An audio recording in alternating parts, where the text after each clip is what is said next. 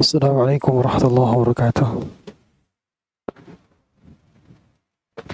الحمد لله نحمده ونستعينه ونستغفره ونعوذ بالله من شرور أنفسنا وسيئات أعمالنا. من يهدي الله فلا مضل له ومن يضلله فلا هادي له.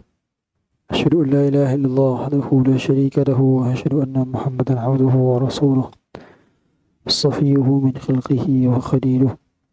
أدى الأمانة وبلغ الرسالة ونصح للأمة وكشف الله به الأمة وجاهد في الله حق جهاده حتى أتاه اليقين. وتركنا على محجة بيضاء ليلها كنهارها لا يزيغ عنها إلا هالك. اللهم صل وسلم وزد وبارك وعن مكرم ومجد على عبدك ورسولك محمد صلى الله عليه وعلى آله وصحبه وسلم. فقال عز من قائل يا أيها الذين آمنوا اتقوا الله حق تقاته ولا تموتن إلا وأنتم مسلمون. وقال عز وجل يا أيها الذين آمنوا اتقوا الله وقولوا قولا سديدا. يصلح لكم أعمالكم ويغفر لكم ذنوبكم.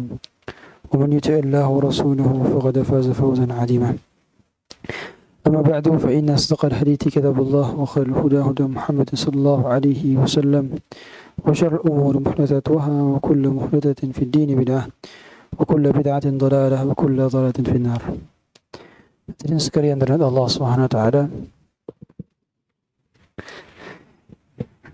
Saya lihat tema kajian kami judulnya adalah jangan suka meremehkan.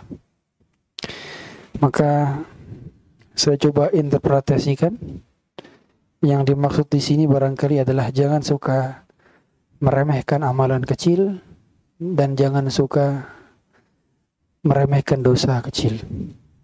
Barangkali demikian. Karena yang memilih judul bukan saya.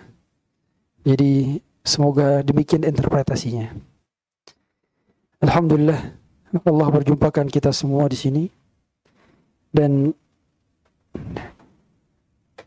pada dasarnya tidak ada yang pantas kita remehkan dikarenakan dosa akan berbalas dengan kesedihan.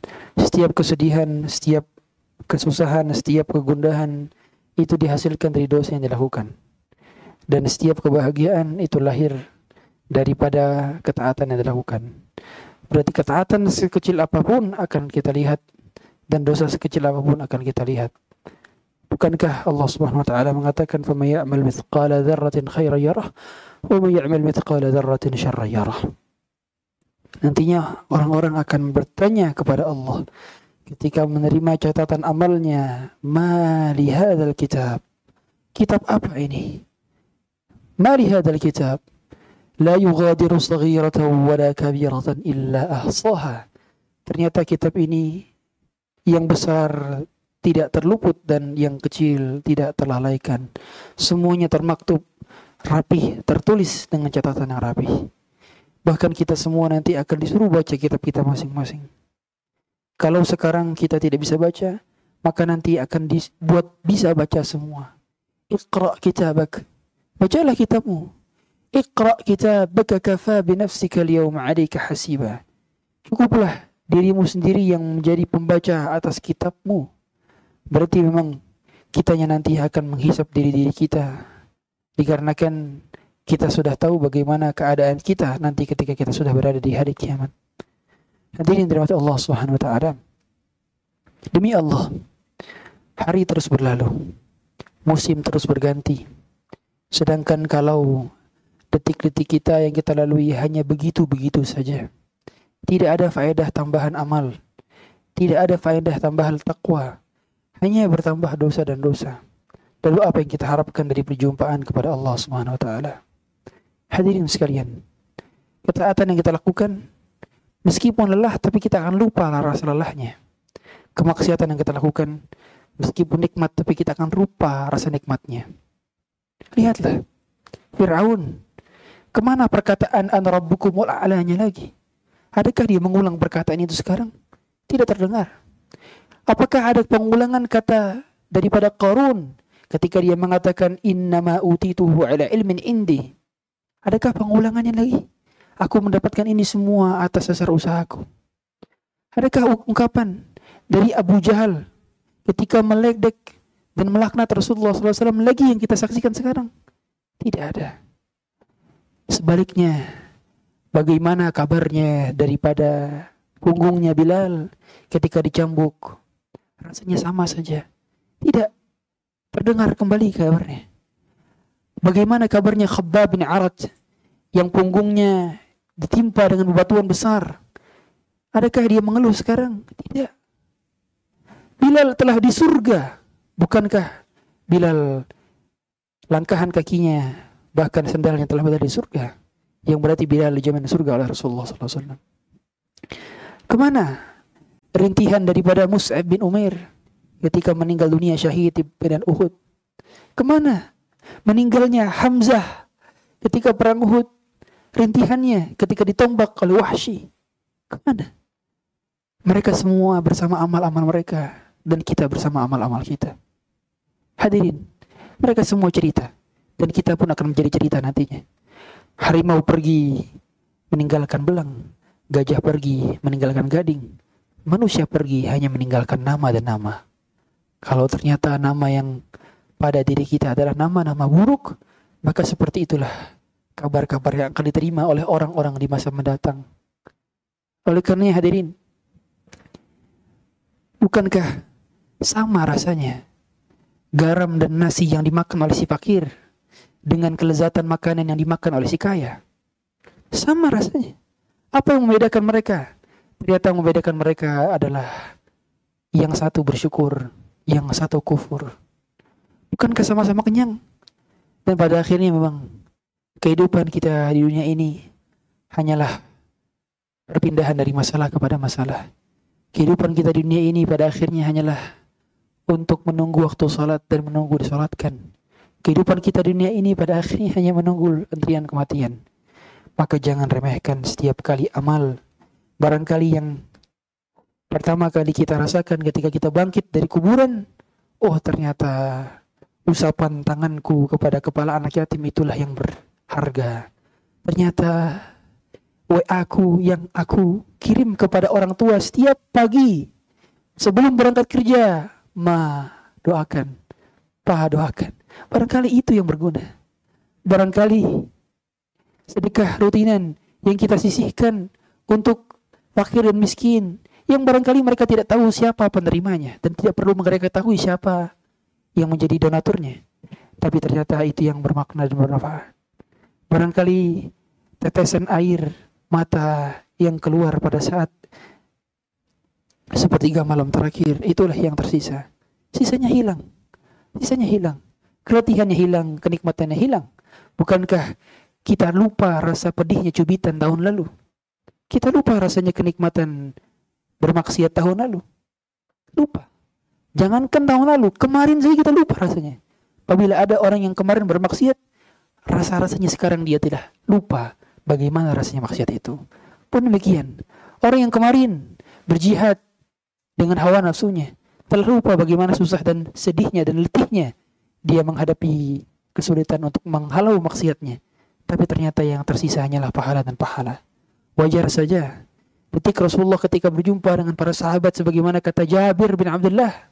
Kata beliau, ma ra'a ma ra'ani Rasulullah sallallahu alaihi wasallam illa tabassam fi wajhi. Tidaklah aku melihat wajah Rasulullah sallallahu alaihi wasallam kecuali sedang tersenyum di hadapanku. Kata Jabir. Bagaimana perasaan Jabir ketika melihat bahwa ternyata orang yang paling dicintainya selalu senyum kepadanya. Senyum. Bukankah memang memasukkan perasaan gembira kepada hati seorang beriman itu bagian daripada ketakwaan. Idkhalus surur ala qalbil muslim. Memasukkan perasaan gembira kepada hati orang yang beriman. Tapi banyak kita luput. Ke mana senyum-senyum kita hadirin? Bukankah kita lebih mengetahui tentang akhlaknya Nabi dibandingkan orang-orang awam di luar sana? Tapi mengapa senyum-senyum mereka yang lebih lebar dibandingkan kita-kita? Bukankah gigimu bukan aurat, wahai ikhwan? Gigi kita bukan aurat. Lalu mengapa kita menipiskan senyum-senyum kita dan menyampingkan sapa ramah kita kepada orang lain? Ini perkara-perkara yang barangkali masukkan kita ke dalam surga kita menyadarinya. Kita lupa sabda Rasulullah SAW. La tahqiranna minal ma'rufi syai'an walau an talqa akhaka biwajhin talqin. Jangan remehkan kebaikan sekecil apa pun meski dengan senyuman pandanganmu yang menenteramkan audiensmu. Barangkali itulah yang menjadikan mereka berbunga-bunga hatinya. Bukankah Nabi Ibrahim saja sebelum memulai dakwahnya kepada ayahnya dia mengucapkan ya abati yang bermakna wahai ayah hendaku yang kusintai dan kusayangi bukankah Nabi Ibrahim ketika memanggil anaknya hendak disembelihnya dia panggil dengan sebutan paling lembut ya bunayya padahal hendak menyembelih Padahal pada saat itu ayahnya Nabi Ibrahim juga adalah seorang kafir yang membuat patung-patung. Tapi ternyata panggilan lembut itu yang menjadikan kita tahu bahwa pesan dalam dakwah haruslah dengan penuh kelembutan. Ternyata Rasulullah SAW dakwahnya lebih dominan lembut. Bukankah kata Rasulullah SAW, Ar-rifqu ma nuzi'a min syai'in illa syanah. Tidaklah kelembutan itu dicabut kecuali pasti akan menghinakannya dan tidaklah dia ada pada sesuatu mauzi'a min syai'in illa zanah kecuali pasti akan menghiasinya. Maka kelembutan inilah yang barangkali hilang dari diri diri kita. Barangkali tegur sapa yang hilang dari diri kita.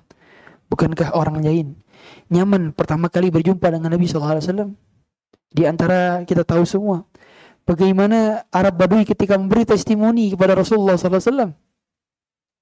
Tidaklah setiap orang yang duduk bersama Rasulullah kecuali di detik pertama akan merasakan jatuh cinta. Detik pertama akan merasakan jatuh cinta. Berarti mereka merasakan bagaimana wibawanya, bagaimana perhatiannya, bagaimana pandangannya.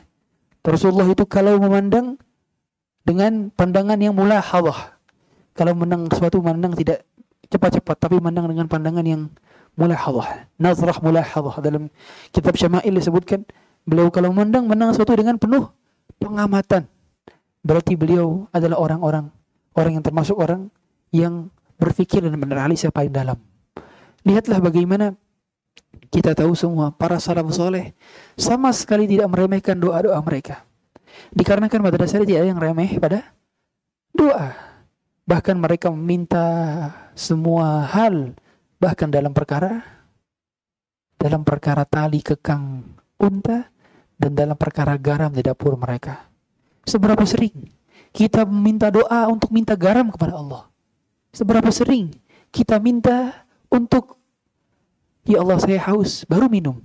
Seberapa sering? Justru keadaan kita kebanyakan lupa mintanya, tapi langsung melakukannya. Padahal air itu tidak akan sampai ke dalam kerongkongan kecuali dengan pertolongan Allah. Padahal satu suapan nasi dan butir-butir nasi tidak sampai ke kerongkongan kecuali atas izin Allah. Tapi kita lupa mengucapkan basmalah padahal inti daripada basmalah adalah memohon pertolongan kepada Allah. Lupa. Barangkali itulah yang menjadikan hari-hari kita tidak seberkah para sahabat. Hari-hari kita tidak seberkah para salaf dikarenakan banyak perkara yang kita remehkan dianggap sebagai sebuah amalan biasa padahal itu tidak biasa-biasa saja. Oleh karena itu ada beberapa amalan yang memang ketika diamalkan maka dia berpahala besar. Maka jangan remehkan perkara-perkara ini. Yang pertama adalah membaca doa selepas wudhu. Membaca doa selepas wudhu.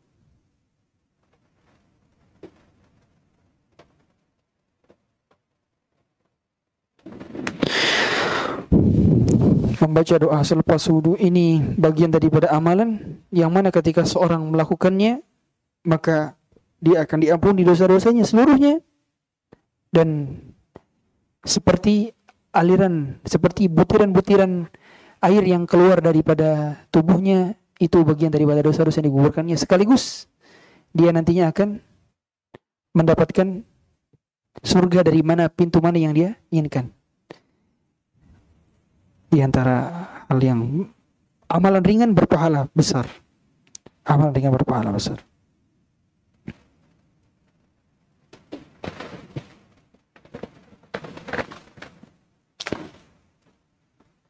Kemudian di antara hal juga yang menjadi amalan ringan berpahala besar adalah menjawab azan. Menjawab azan. Banyak di antara kita lupa berapa sering azan kita terlewatkan dari menjawabnya. Betapa sering azan hanya selewat-selewat saja. Tidak menjawab azan, tidak juga berdoa selepas azan. Banyak waktu-waktu mustajab kita lupa dan lalai. Banyak momen-momen berpahala kita lupa. Tandanya kalau Allah ingin mencabut taufik dari seorang hamba, Allah menjadikan dia lupa dengan amal soleh yang dahulu pernah biasa dia lakukan.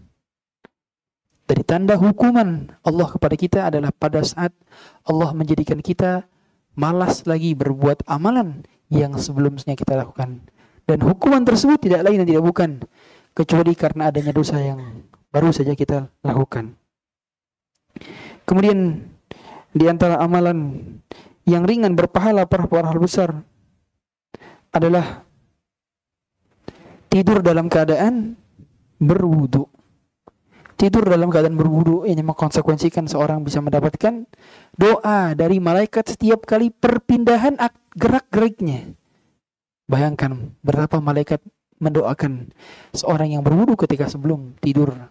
Dan ini menunjukkan bahwa pada dasarnya seorang ketika ingin dijaga oleh Allah pada saat malam hari maka hendaknya dia tidur dalam keadaan berwudu, tidur dalam keadaan bersuci. Yang berikutnya adalah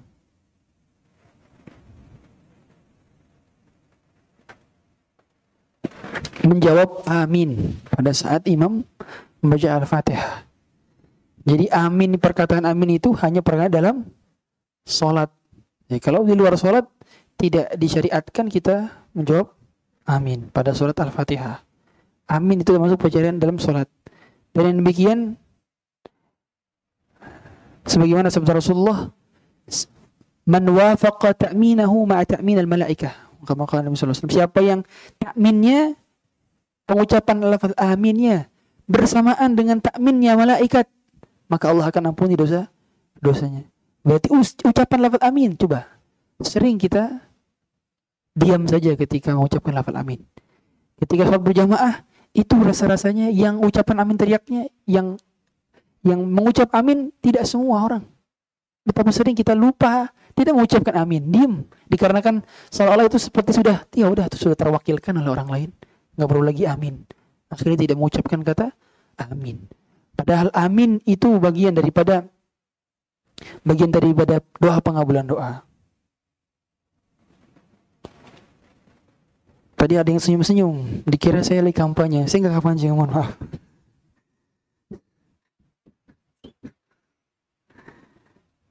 Kemudian di antara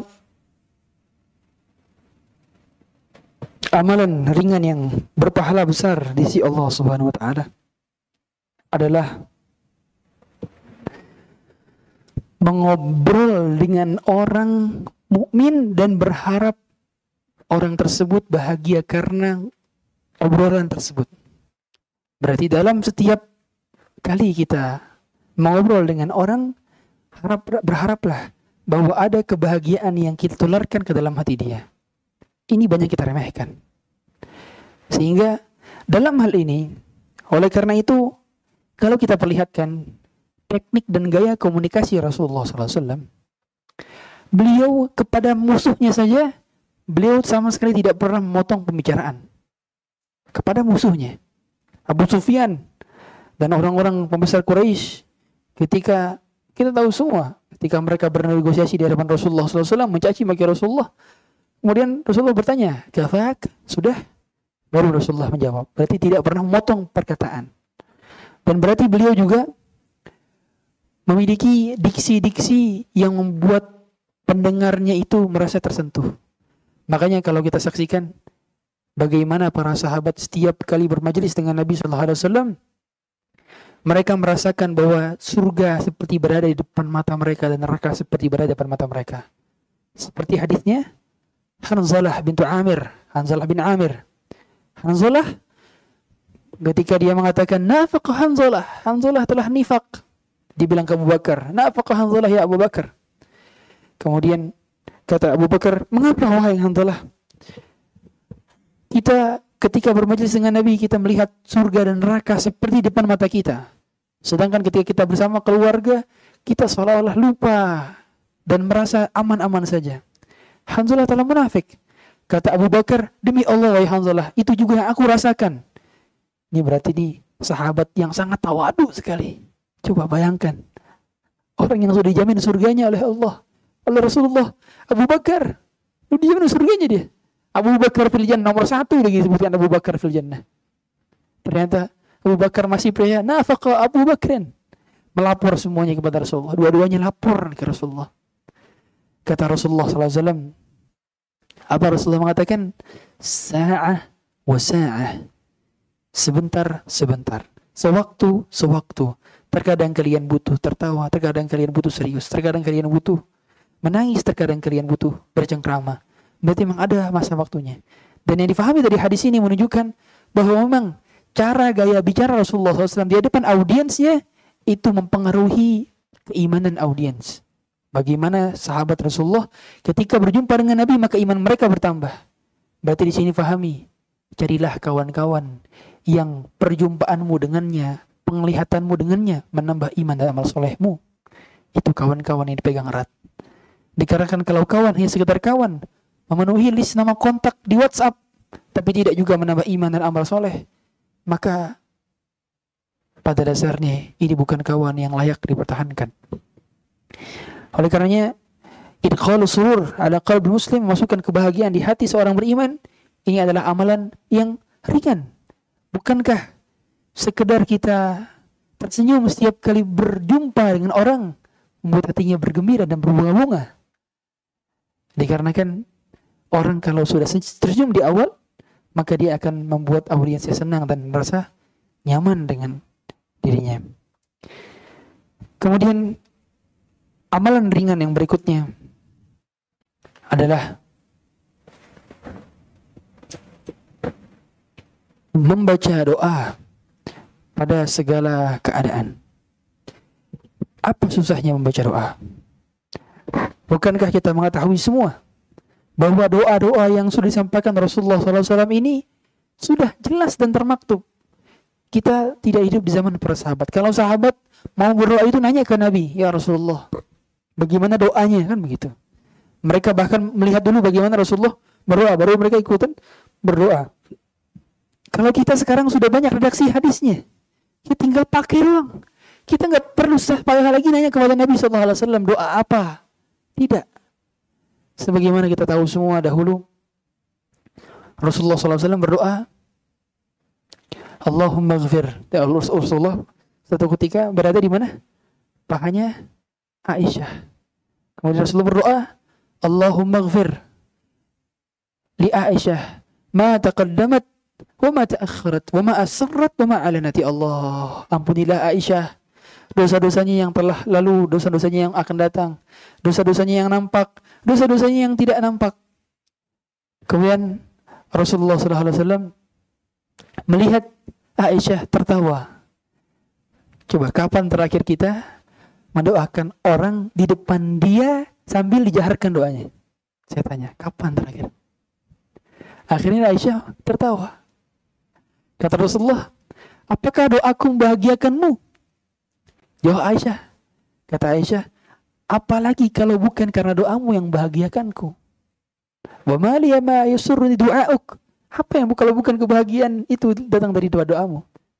Akhirnya kata Rasulullah SAW, Wallahi, innaha la da'watun li ummati fi kulli salah. Demi Allah, doa itu aku ucapkan sama redaksinya untuk umatku setiap aku sholat. Berarti Rasulullah mendoakan umatnya setiap kali sholat. Kata Rasulullah berarti doanya gimana? Allahumma gfir li ummati Ma taqaddamat wa ma ta'akharat wa ma asarrat wa ma alanat. Ya Allah, Rasulullah belum berjumpa dengan kita, tapi beliau senantiasa mendoakan kita ketika beliau masih hidup. Tidak ada ketulisan dari seorang hamba Allah kepada hamba Allah lainnya kecuali dari mendoakannya. Tidak ada ketulusan. Maka puncak ketulusan persahabatan itu ketika kita mendoakan mereka dalam keadaan kesendirian dan keadaan dia tak tidak tahu kalau kita sedang mendoakan. Itu puncak kejujuran dalam bersahabat. Ternyata kebaikan ini banyak kita lupakan. Padahal kita tahu semua tidaklah ada seorang mendoakan saudara lainnya dalam keadaan bilahil ghaib. Saudaranya tidak tahu kalau sedang didoakan. Kecuali pasti malaikat akan mengatakan walaka bimithlin walaka bimithlin. Kamu dapat yang serupa dan kamu dapat yang serupa. Berarti memang pada dasarnya semakin sering kita mendoakan orang dalam keadaan dia tidak tahu hakikatnya kita sedang pertama kita sedang mengikis hasad dalam diri kita. Oleh karena cara mengikis hasad itu dengan tiga hal yang pertama dengan mendoakannya pada saat dia tidak tahu bahwa kita sedang mendoakannya. Yang kedua, dengan memberikan hadiah kepada dia. Yang ketiga adalah memberikan cerita baik tentang dia di majelis lain. Dan hasad ini adalah penyakit dan cara pengobatannya adalah dengan cara tiga tadi. Atas izin Allah Subhanahu wa taala dan hasad umumnya itu pada selevel. Sekufu apa yang menjadi level bagi kita sesama pengusaha, sama karyawan, sama penuntut ilmu, sesama bos dan seterusnya. Ya, demikian hasad itu terjadi. Oleh karenanya seseorang ketika mendoakan saudaranya dia telah melakukan amalan ringan tapi berpahala besar. Apalagi kalau ketika melihat saudaranya mendapatkan kenikmatan yang luar biasa besar, dia mengatakan, "Ya Allah, masukkanlah dia ke dalam surga." Semoga kenikmatan itu menjadi wasilah bagi surganya. Dia mendoakan demikian. Hingga akhirnya dia dimasukkan ke dalam ke dalam surga. Oleh karenanya, seseorang ketika melakukan amalan-amalan ini jangan pernah dianggap remeh. Bukankah seorang wanita Bani Israel yang dia adalah seorang pelacur, tapi melihat anjing kehausan, dia masuk ke dalam sumur dia melemparkan sepatunya untuk dijadikan sebagai wadah bagi air untuk anjing yang sedang kehausan itu. Ternyata demikianlah dia dimasukkan ke dalam surga. Sebab karena amal perbuatan baiknya. Rasa-rasanya perbuatan itu bukan termasuk perbuatan yang besar effortnya. Tapi kebaikan sekecil apa pun akan Allah lihat di hari kiamat. Bukankah kita tahu semua Bagaimana dahulu para salafus soleh mereka sama sekali tidak mem, tidak merasakan bahwa amal ini kecil tidak.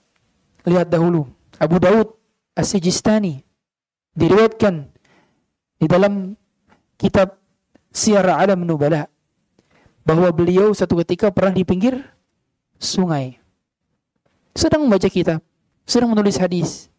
Ternyata didengar di tengah-tengah sungai atau di tengah-tengah danau itu ada orang yang bersin dan dia mengucapkan alhamdulillah. Akhirnya Abu Daud ini, Imam Abu Daud menyewa sampan, menyewa perahu yang seharga satu dirham. Satu dirham itu di zaman tersebut mungkin sekitar 70 ribuan. Satu dirham. Bayangkan satu dirham cuma 70 ribu. Akhirnya dia menyewa satu perahu tersebut dia sewa untuk ke tengah.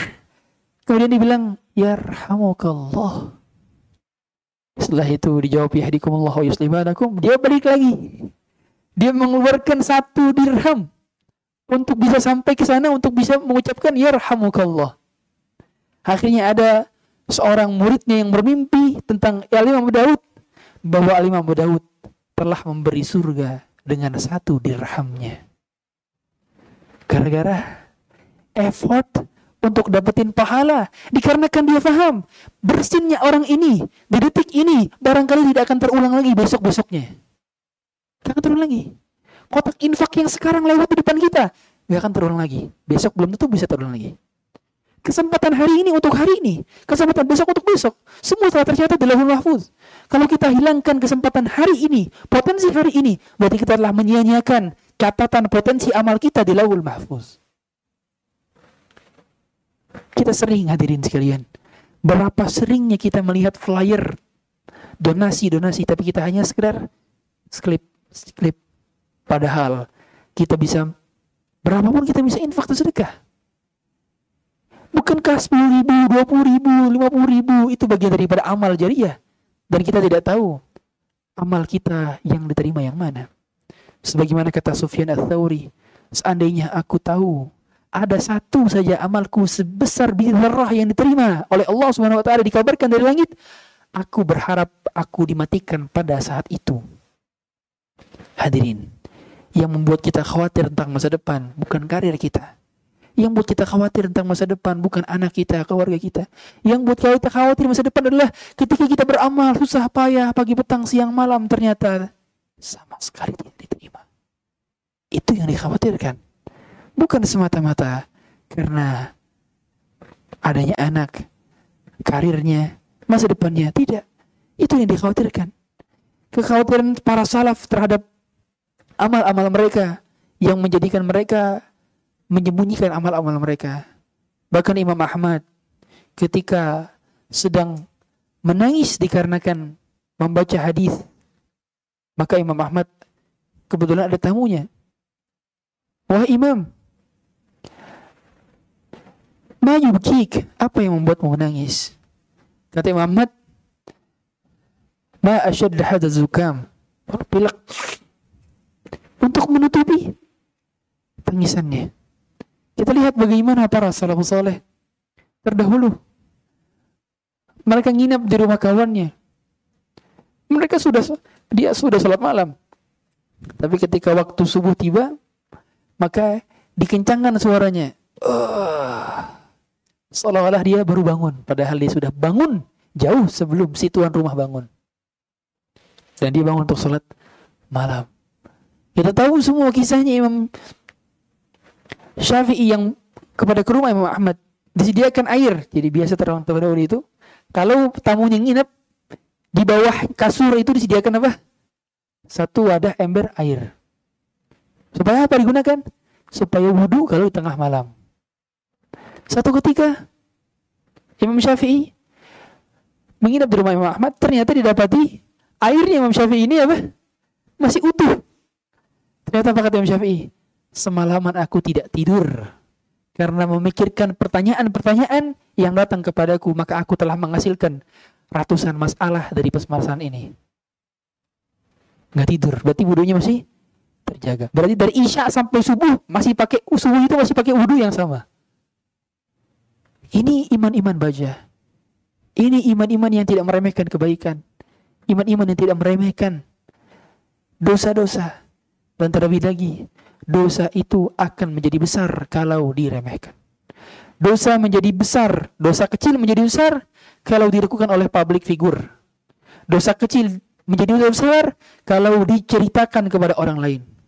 Dan dosa kecil menjadi dosa besar kalau tidak dibarengi dengan istighfar.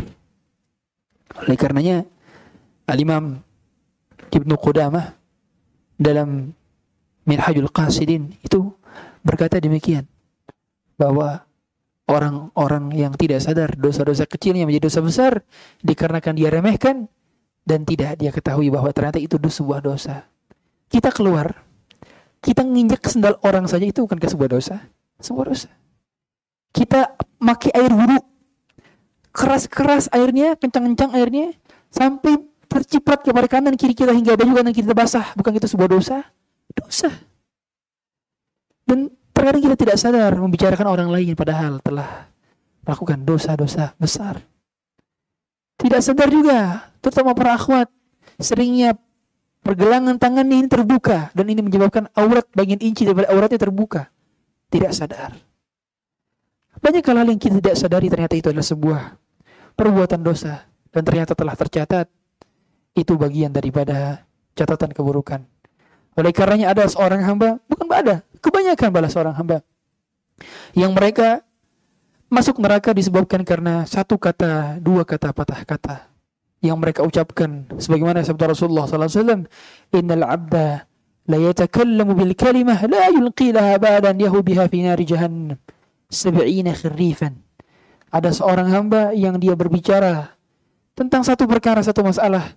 Ternyata dia dapati dia tidak menganggap itu sebuah sebuah perbuatan dosa. Hanya berlalu saja perkataan. Ternyata dia dimasukkan ke dalam api neraka yang kedalamannya adalah 70 tahun perjalanan. Karena satu kata yang terucap terlisannya. Oh alangkah meruginya kita. Kalau ternyata kita dapati hari-hari kita nantinya. Ketika sudah berada di hari kiamat. Oh detik ini saya mengucap gini, detik ini saya mengucap ini, detik ini saya mengucap ini. Tidak sadar. Ternyata perkata perkataannya, ucapannya semuanya adalah dosa dan dosa. Dia tidak sadar. Maka jangan remehkan kata-kata yang keluar. Oleh karena itu, kalimat kalau keluar, kalau belum keluar, sebagaimana kata Al-Imam Syafi'i, kalimat itu kalau belum keluar, kamu yang menggenggamnya, kamu yang menjadi pemiliknya. Tapi kalau dia sudah keluar, kamu yang sudah keluar, maka kamulah yang dimiliki oleh dirinya. Kalimat. Kalimat kalau belum keluar, dia masih menjadi milik kita. Milik kita. Tapi kalau sudah keluar, kitalah yang dimiliki oleh dia. Kapan pun seseorang terlihat ini kalimat-kalimat, dia akan disandarkan kepada si pemiliknya. Maka kalimat-kalimat inilah yang menjadikan Fir'aun masuk ke dalam neraka. Dia yang katakan, Ana Rabbukumul A'la.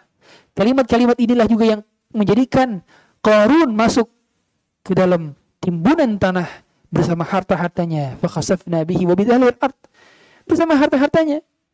Dan karena dia mengatakan, Innama utituhu ala ilmin indi. Kalimat inilah yang menjadikan Abu Lahab namanya tertulis secara eksplisit dalam Quran. Tabat yada Abi Lahab. Tabat yada apa? Tabat yada Abi Lahab WhatsApp. Dia mengatakan karena taban laka ya Muhammad. Dia mengatakan taban laka ya Muhammad. Dia mengatakan dengan kedua tangannya, maka akhirnya kedua tangannya Allah tulis dalam Quran tabat yada Abi Lahab WhatsApp. Perkataan demikian. Mungkin pada saat itu Abu Lahab tidak sadar bahwa kalimat itu ternyata diabadikan dalam Quran.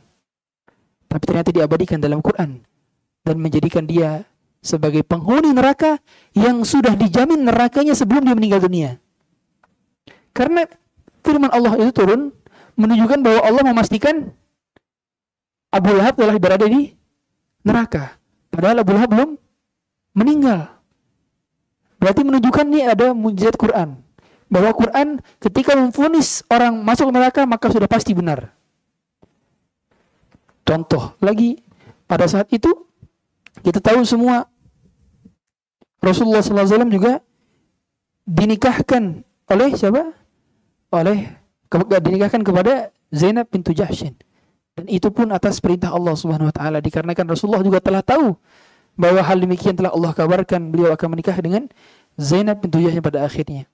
Berarti memang kebenaran Quran ini jelas yang menunjukkan tidak boleh ada seorang pun yang mendustakan isi daripada kandungan Al-Quran.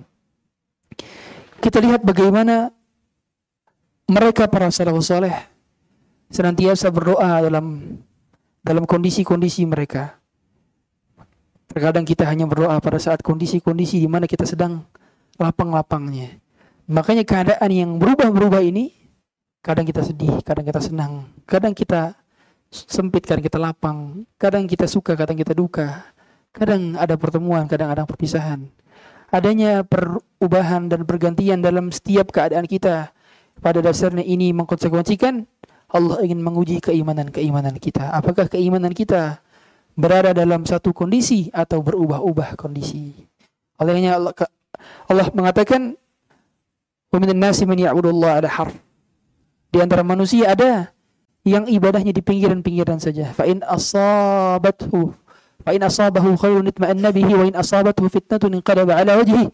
Kalau mendapatkan ketenangan dia akhirnya beriman, beribadah. Kalau mendapatkan kesempitan dia tidak beribadah. Khasar dunia wal akhirah. Dia merugi dunia dan akhirat. Dzalika huwal khusranul mubin. Itu adalah kerugian senyata-nyatanya.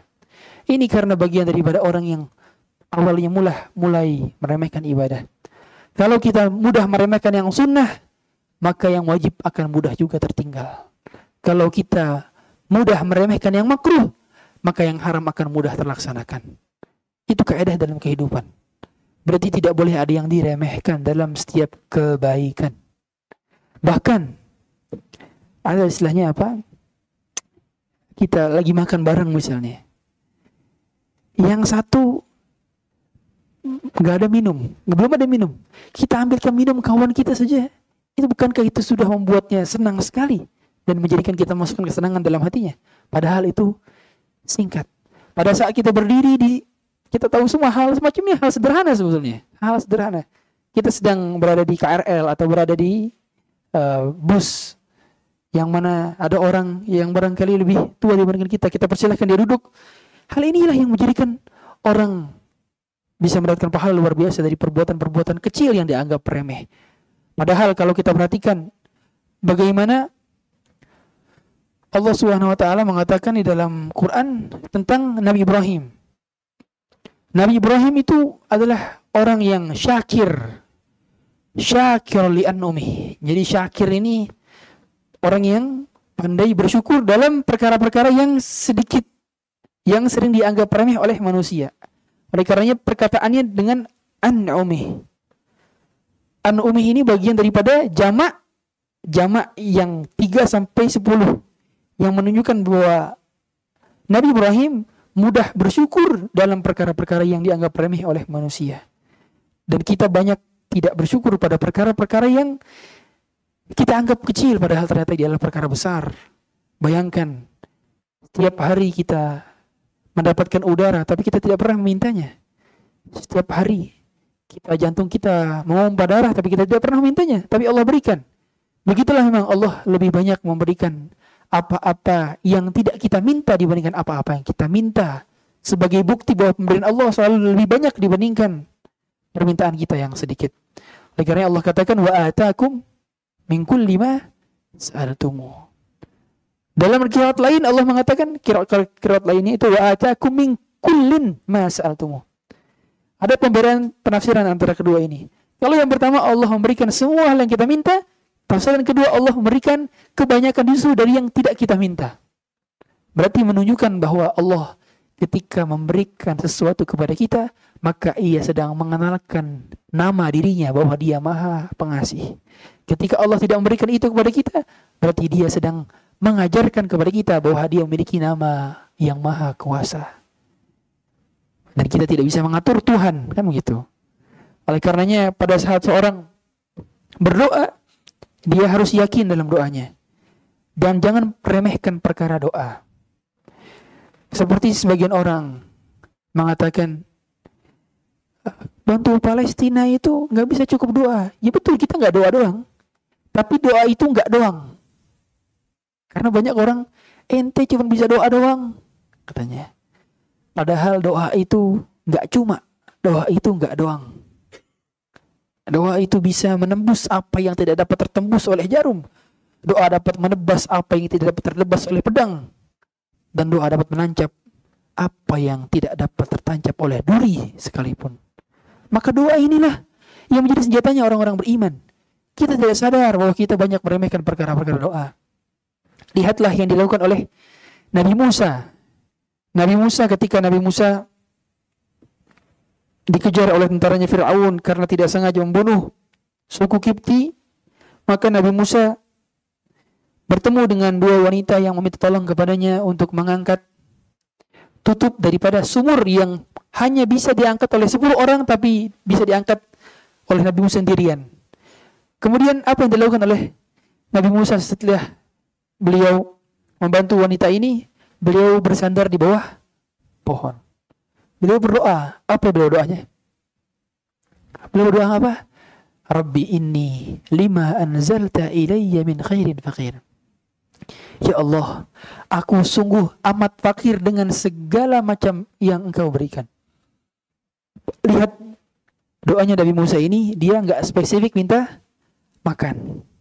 Dia menunjukkan bahwa dirinya hina. Berarti pada dasarnya ketika berdoa itu jangan mindsetkan kepada diri kita bahwa kita ini sedang mengabarkan kepada Allah. Kita tidak sedang memberitahu Allah karena Allah sudah tahu apa yang kita inginkan sebelum kita ucapkan. Tapi permintaan-permintaan dalam doa itu pada dasarnya sedang menunjukkan kefakiran kita, kerendahan kita, kehinaan kita di hadapan Allah. Dan permintaannya Nabi Musa ternyata adalah beliau menganggap bahwa dirinya amatlah hina dengan segala macam kenikmatan Allah. Akhirnya karena doanya undefinitif, dia mendapatkan apa? Tiga sekaligus. Kedua perempuan yang tadi datang, yang tadi dibantu, datang. Inna abi yad'uk. Sesungguhnya ayah kami, ayah kita memanggilmu untuk makan. Berarti dapat apa? Makan. Kemudian kata perempuan ini, Ya abati, inna khaira man ista'jartal qawiyul amin. Wahai ayahanda, sesungguhnya yang paling baik ya abati ista'jirhu, ya wahai ayahanda, tolonglah pekerjakan dia. Sesungguhnya sebaik-baik orang yang kau pekerjakan adalah yang al-qawi dan al-amin. Al-qawi yang artinya kuat, al-amin yang artinya amanah. Saya bingung ketawa ini dikira saya lagi saya nggak ini ya. Saya lagi nggak kampanye. Ya. Karena ada yang ketawa dari tadi. Saya bingung. Nah, berarti dua hal ini yang menjadi patokan daripada karyawan yang karyawan yang apa? Yang amanah yang berintegritas. Kemudian apa yang kemudian Nabi Musa dapat apa? Pekerjaan. Yang ketiga Nabi Musa dapat apa? Ya, dia mengatakan ayahnya uh, bahwa diminta untuk dinikahkan salah satu dari kedua anaknya ini dengan mahar apa? Maharnya kerja 8 tahun. Kalau mau lebih boleh 10 tahun. Gara-gara doa, Rabbi inni lima anzalta ilayya min khairin fakir, dapat tiga langsung bonus. Dapat makan, dapat kerjaan, dapat istri. Dapat istri. Ah, yang nempok tuh tadi belum dinikah kayaknya. Berarti memang pada dasarnya terkadang doa itu tidak perlu definitif. Tidak perlu definitif. Tapi terkadang doa juga butuh definitif. Ya tahu para salafus soleh mereka minta garam saja kepada Allah. Ya Allah, garam saya habis. Ya Allah, tali kekang unta saya copot. Ini menunjukkan bahwa pada dasarnya seseorang itu harus berlama-lama dalam doanya. Rasulullah sudah diampuni dosanya yang telah lalu, diampuni dosanya yang akan datang. Tapi ternyata apa? Beliau ketika di padang Arafah dari ba'da zuhur sampai menjelang maghrib mengangkat kedua tangannya Angkat kedua tangannya. Diboncengi oleh belakangnya adalah Usamah bin Zaid yang masih kecil. Kemudian ketika tali kekang utanya copot, beliau ambil pegang satu, yang satu lagi tetap diangkat. 6 jam. Ba'da zuhur sampai maghrib itu kan sekitar 6 jaman. Bayangkan 6 jam. Silahkan cek sekarang. Kalau kita berdoa di waktu-waktu mustajab, berapa menit kita bisa bertahan kayak gini? Berapa menit? Bisakah 6 jam? Rasa-rasanya udah 10 menit sudah turun. Udah pegal. Padahal Rasulullah diampun, diampun dosanya, dijamin surga. Menjadi khalilullah, kekasihnya Allah. Tapi masih tetap berdoa. Berarti memang sekarang ini yang menyebabkan barangkali banyak yang di antara kita terlambat. Terlambat punya ini dan itu. Terlambat dari orang lain. Terlambat segala hal. Dikarenakan memang kita meremehkan doa dan ada yang salah dalam doa-doa kita. Hadirin dari Allah Subhanahu wa taala. Oleh karenanya kebaikan ada itu bukan untuk diremehkan. Makanya kenapa dalam hal ini saya paling tidak senang metode dakwah dengan metode dakwah nyinyir saya kurang kurang senang saya secara pribadi. Seperti mengatakan percuma begini begini begini tapi begini begini. Percuma begini-begini kalau masih begini-begini-begini. Contoh. Seorang misalnya sudah ngaji. Kita pengen negur dia, dia celananya masih isbal. Misalnya. Kita bilang, percuma udah ngaji ente sering kaji nasi tapi misalnya masih isbal. Ini metode dakwah yang nyinyir kadang-kadang membuat dia semakin lari. Kenapa nggak kita bilang, Masya Allah, kamu sudah ngaji itu bagus banget. Alangkah sempurnanya lagi kalau kamu celananya nggak isbal. Kenapa diksinya nggak seperti itu? Kenapa harus kita nyinyir? Oleh karenanya kebaikan ada, kebaikan itu ada untuk kita apresiasi. Mengapa kita tidak mengapresiasi itu saudara-saudara kita? Ya, Masya Allah, kamu sudah hijaban, bagus sekali. Kamu lebih bagus lagi kalau aurat kamu sempurna dengan pakai hijab syar'i. Jadi kita apresiasi dulu kebaikannya, baru kita sarankan dengan yang lebih baik. Seperti itu. Semua hal, konteks dakwahnya demikian. Dan orang itu umumnya akan mudah menerima ketika diapresiasi kebaikannya dahulu, baru dikoreksi. Umumnya demikian.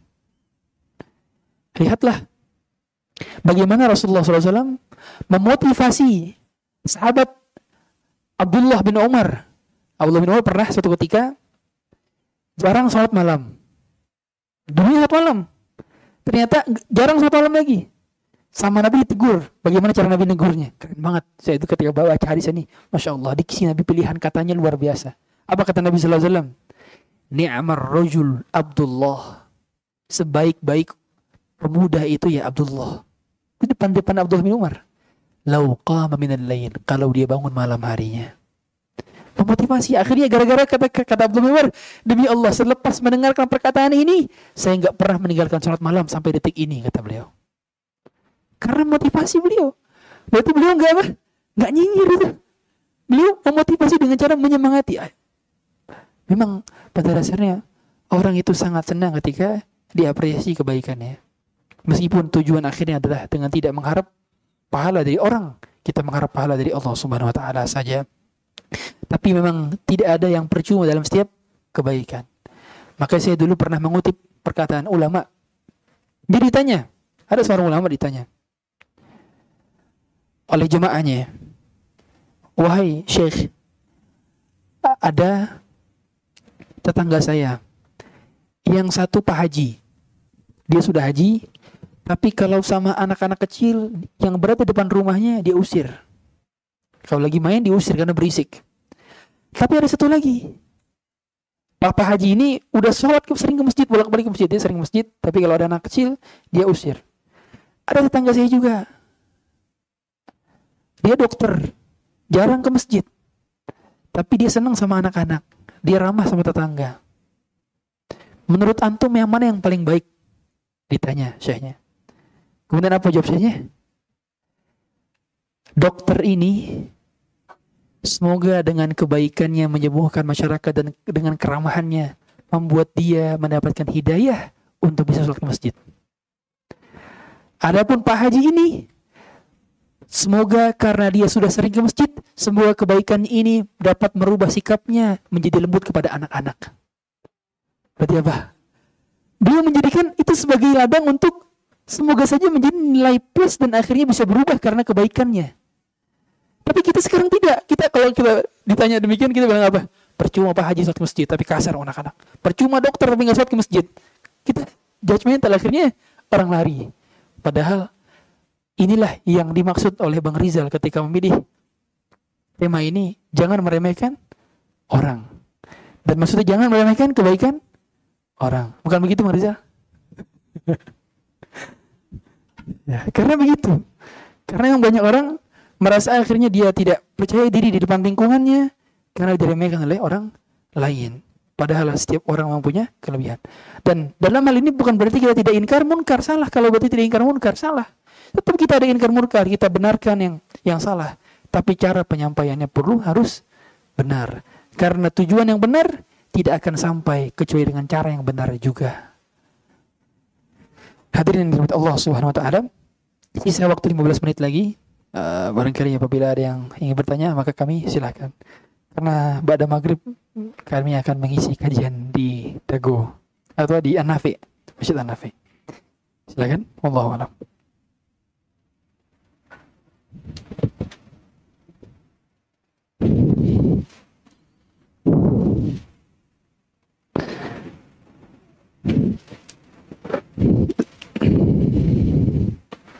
Yeah, Assalamualaikum warahmatullahi wabarakatuh.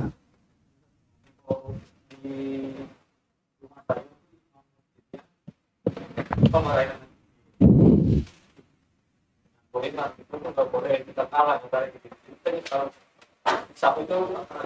di belakang itu saya mau iya um, pertama terkadang kita butuh meminjam lisan orang lain untuk menasihati orang Kadang lisan kita berat dan keluh rasanya ketika berhadapan dengan orang yang barangkali itu tidak tepat untuk kita nasihati. Nah, dalam hal ini sekiranya kita lihat orang yang lebih dia tua dituakan sama dia siapa? Oh, ada ketua DKM-nya lagi yang kalau dia ngomong maka maka ditaatin. Nah, saya dulu pernah saya khutbah. Sebetulnya khut- khutbah itu sunahnya kan singkat ya. Khutbah itu sunahnya singkat. Saya pernah khutbah. Dan saya khutbah singkat. Ternyata ada DKM-nya yang nggak senang kalau saya khutbahnya singkat. Tapi akhirnya dia tahu, dia menyampaikannya bukan ke saya langsung. Dia cari orang yang de- teman dekat saya baru menyampaikan. Ini pertanda bahwa terkadang kita bisa gunakan lisan orang lain.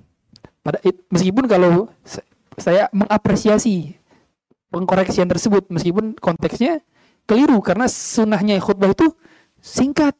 Rasulullah itu kalau antum lihat baca teks khutbah Nabi Sallallahu Alaihi antum baca, antum pakai stopwatch itu dua menit sampai lima menit. Apalagi cuma tuh khutbah, khutbah wada contohnya. Itu ringkas. Khutbah Jumat itu Rasulullah pernah sholat pakai baca surat Qaf. Isinya surat Qaf doang. Antum baca surat Qaf coba hitung pakai menit berapa menit itu. Singkat. Nah, dia mau koreksi pada itu. Saya mengapresiasi koreksiannya. Dan hal demikian berarti kita bisa gunakan lisan orang lain. Nah, kalaupun tidak bisa, maka kita pertama ajak ngopi. Ajak ngopi. Karena memang banyak hal-hal itu rasanya bisa terselesaikan di majelis kopi. Iya. Mohon maaf sekali. Ini mungkin sedikit faedah saja ya. Misalkan guru-guru kita ada selek antara guru ini dengan guru ini. Coba antum pertemukan di majelis kopi. Coba. Karena terkadang permasalahan itu bisa selesai kalau ketemu. Iya. Kalau diem-dieman wa akhirnya nggak selesai. Dan akhirnya akan muncul apa? Apalagi kalau ada pemantik-mantiknya dari yang satu mantik ini, yang satu mantik ini. Akhirnya kesannya seperti namimah, musuh. Padahal tidak demikian. Oleh karenanya hal demikian kita kita bicara baik-baik dan umumnya orang juga nerima nasihat kalau dikasih hadiah. Antum kasih minyak wangi misalkan. Karena di antara sunnah yang tidak boleh ditolak menerima minyak wangi, nggak boleh tolak. Berarti dikasih minyak wangi, baru kasih. Afwan, eh, alangkah baiknya sebetulnya ini kalau yang yang anak-anak kecil kayaknya bagusnya nggak kita usir, biarkan dia di sana. Karena emang kalau yang anak kecil yang tidak memotong soft itu adalah anak kecil yang sudah tamiz. Kalau sudah usia tamiz nggak boleh diusir, nggak boleh. Bahkan usia tamiz itu boleh apa? Boleh jadi imam meskipun belum balik. Jadi syaratnya jadi imam itu harus usia tamiz. Kalau masih balita belum tamiz belum sah jadi imam. Contoh umur 4 tahun jadi imam nggak sah. Tapi umur 7 tahun jadi imam sah meskipun belum balik. Dan ini berarti menunjukkan bahwa mereka yang safnya di depan nggak boleh diusir ke belakang. Nah, dan dalam ini juga perlu fikih fikih masjid. Di antaranya adalah dicari orang tuanya. Jangan sampai anaknya ke masjid, bapaknya kagak. Nah, ini yang paling sering terjadi. Akhirnya anaknya ribut. Oleh karenanya setiap kali anak kecil ke masjid harus didampingin oleh bapaknya. Dan bagi para DKM letak masjid, cara di antara cara yang paling ampuh adalah mengirim surat. Coba antum kirim surat kepada yang nggak jarang ke masjid. Kirim surat.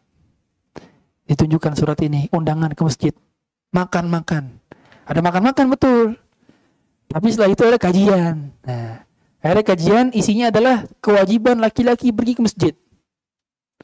Insya Allah setelah itu akan datang-datang untuk makan-makan lagi. Yang masjidnya lah. Yang pada dasarnya emang eh, masyarakat itu perlu diiming-imingi dengan hal demikian. Dahulu memang Arab Badui itu kalau datang ke Rasulullah ngapain? Ngapain? Arab Badui datang ke Rasulullah ngapain? Minta duit. Arab Badui datang ke Rasulullah minta duit. Pada saat Rasulullah dapat gagal ghanimah, orang-orang bilang, "Ya Muhammad," pakai "Ya Muhammad" lagi. Enggak pakai "Ya Rasulullah". Kemudian, "I'ti mimalillahi ladzi indak." Berikan harta yang Allah berikan kepada engkau, berikan kepada saya. Enggak sopan sekali. Tapi Rasulullah kasih semua. Sampai dalam riwayat Rasulullah itu mengasihi se- sebanyak harta itu se- sebanyak dua lembah kambing. Akhirnya orang Badui ini teriak di kampungnya, Ya kaum aslimu, hai kaumku masuk Islam semua kalian. Fa inna Muhammadan idza atalam yakhshal faqa. Si Muhammad kalau sudah ngasih nggak takut miskin dia. Begitu, akhirnya banyak yang masuk Islam. Akhirnya kata Nabi Malik, dahulu kami masuk Islam karena harta. Setelah kami mempelajari Islam, kami dapati bahwa Islam lebih berharga daripada harta dan segala isinya. Begitu. Yang pada dasarnya ada orang-orang yang baru mau sholat kalau ditraktir mie ayam. Ada. Antum kalau ke preman-preman pinggir-pinggir jalan, bang, makan seblak yuk, tapi syarat sholat. Coba, pernah gak kita kayak gitu? Pernah gak kita gitu? Padahal ini ladang dakwah ini. Coba kalau sholat, nantinya ada ikut kajian ustadz, bang, nanti ada traktir lagi, tapi ikut kajian dulu. Tapi jangan pula traktirnya rokok. Ya, sama aja antum mau dia kemaksiatan. Ya, traktirnya mie ayam, seblak yang halal-halal. Ya. Atau dibeliin baju Smith misalnya. Ya. Ini bukan pesan sponsor bukan. Tapi emang pada dasarnya hal demikian butuh kita, butuh eh, butuh apa? Butuh butuh memberikan hadiah dahulu kepada orang-orang yang menjadi target bagi nasihat-nasihat kita. Allahu alam. Ada lagi? Baik kita tutup. Nah, Oke, betul. Assalamualaikum warahmatullahi wabarakatuh. Iya.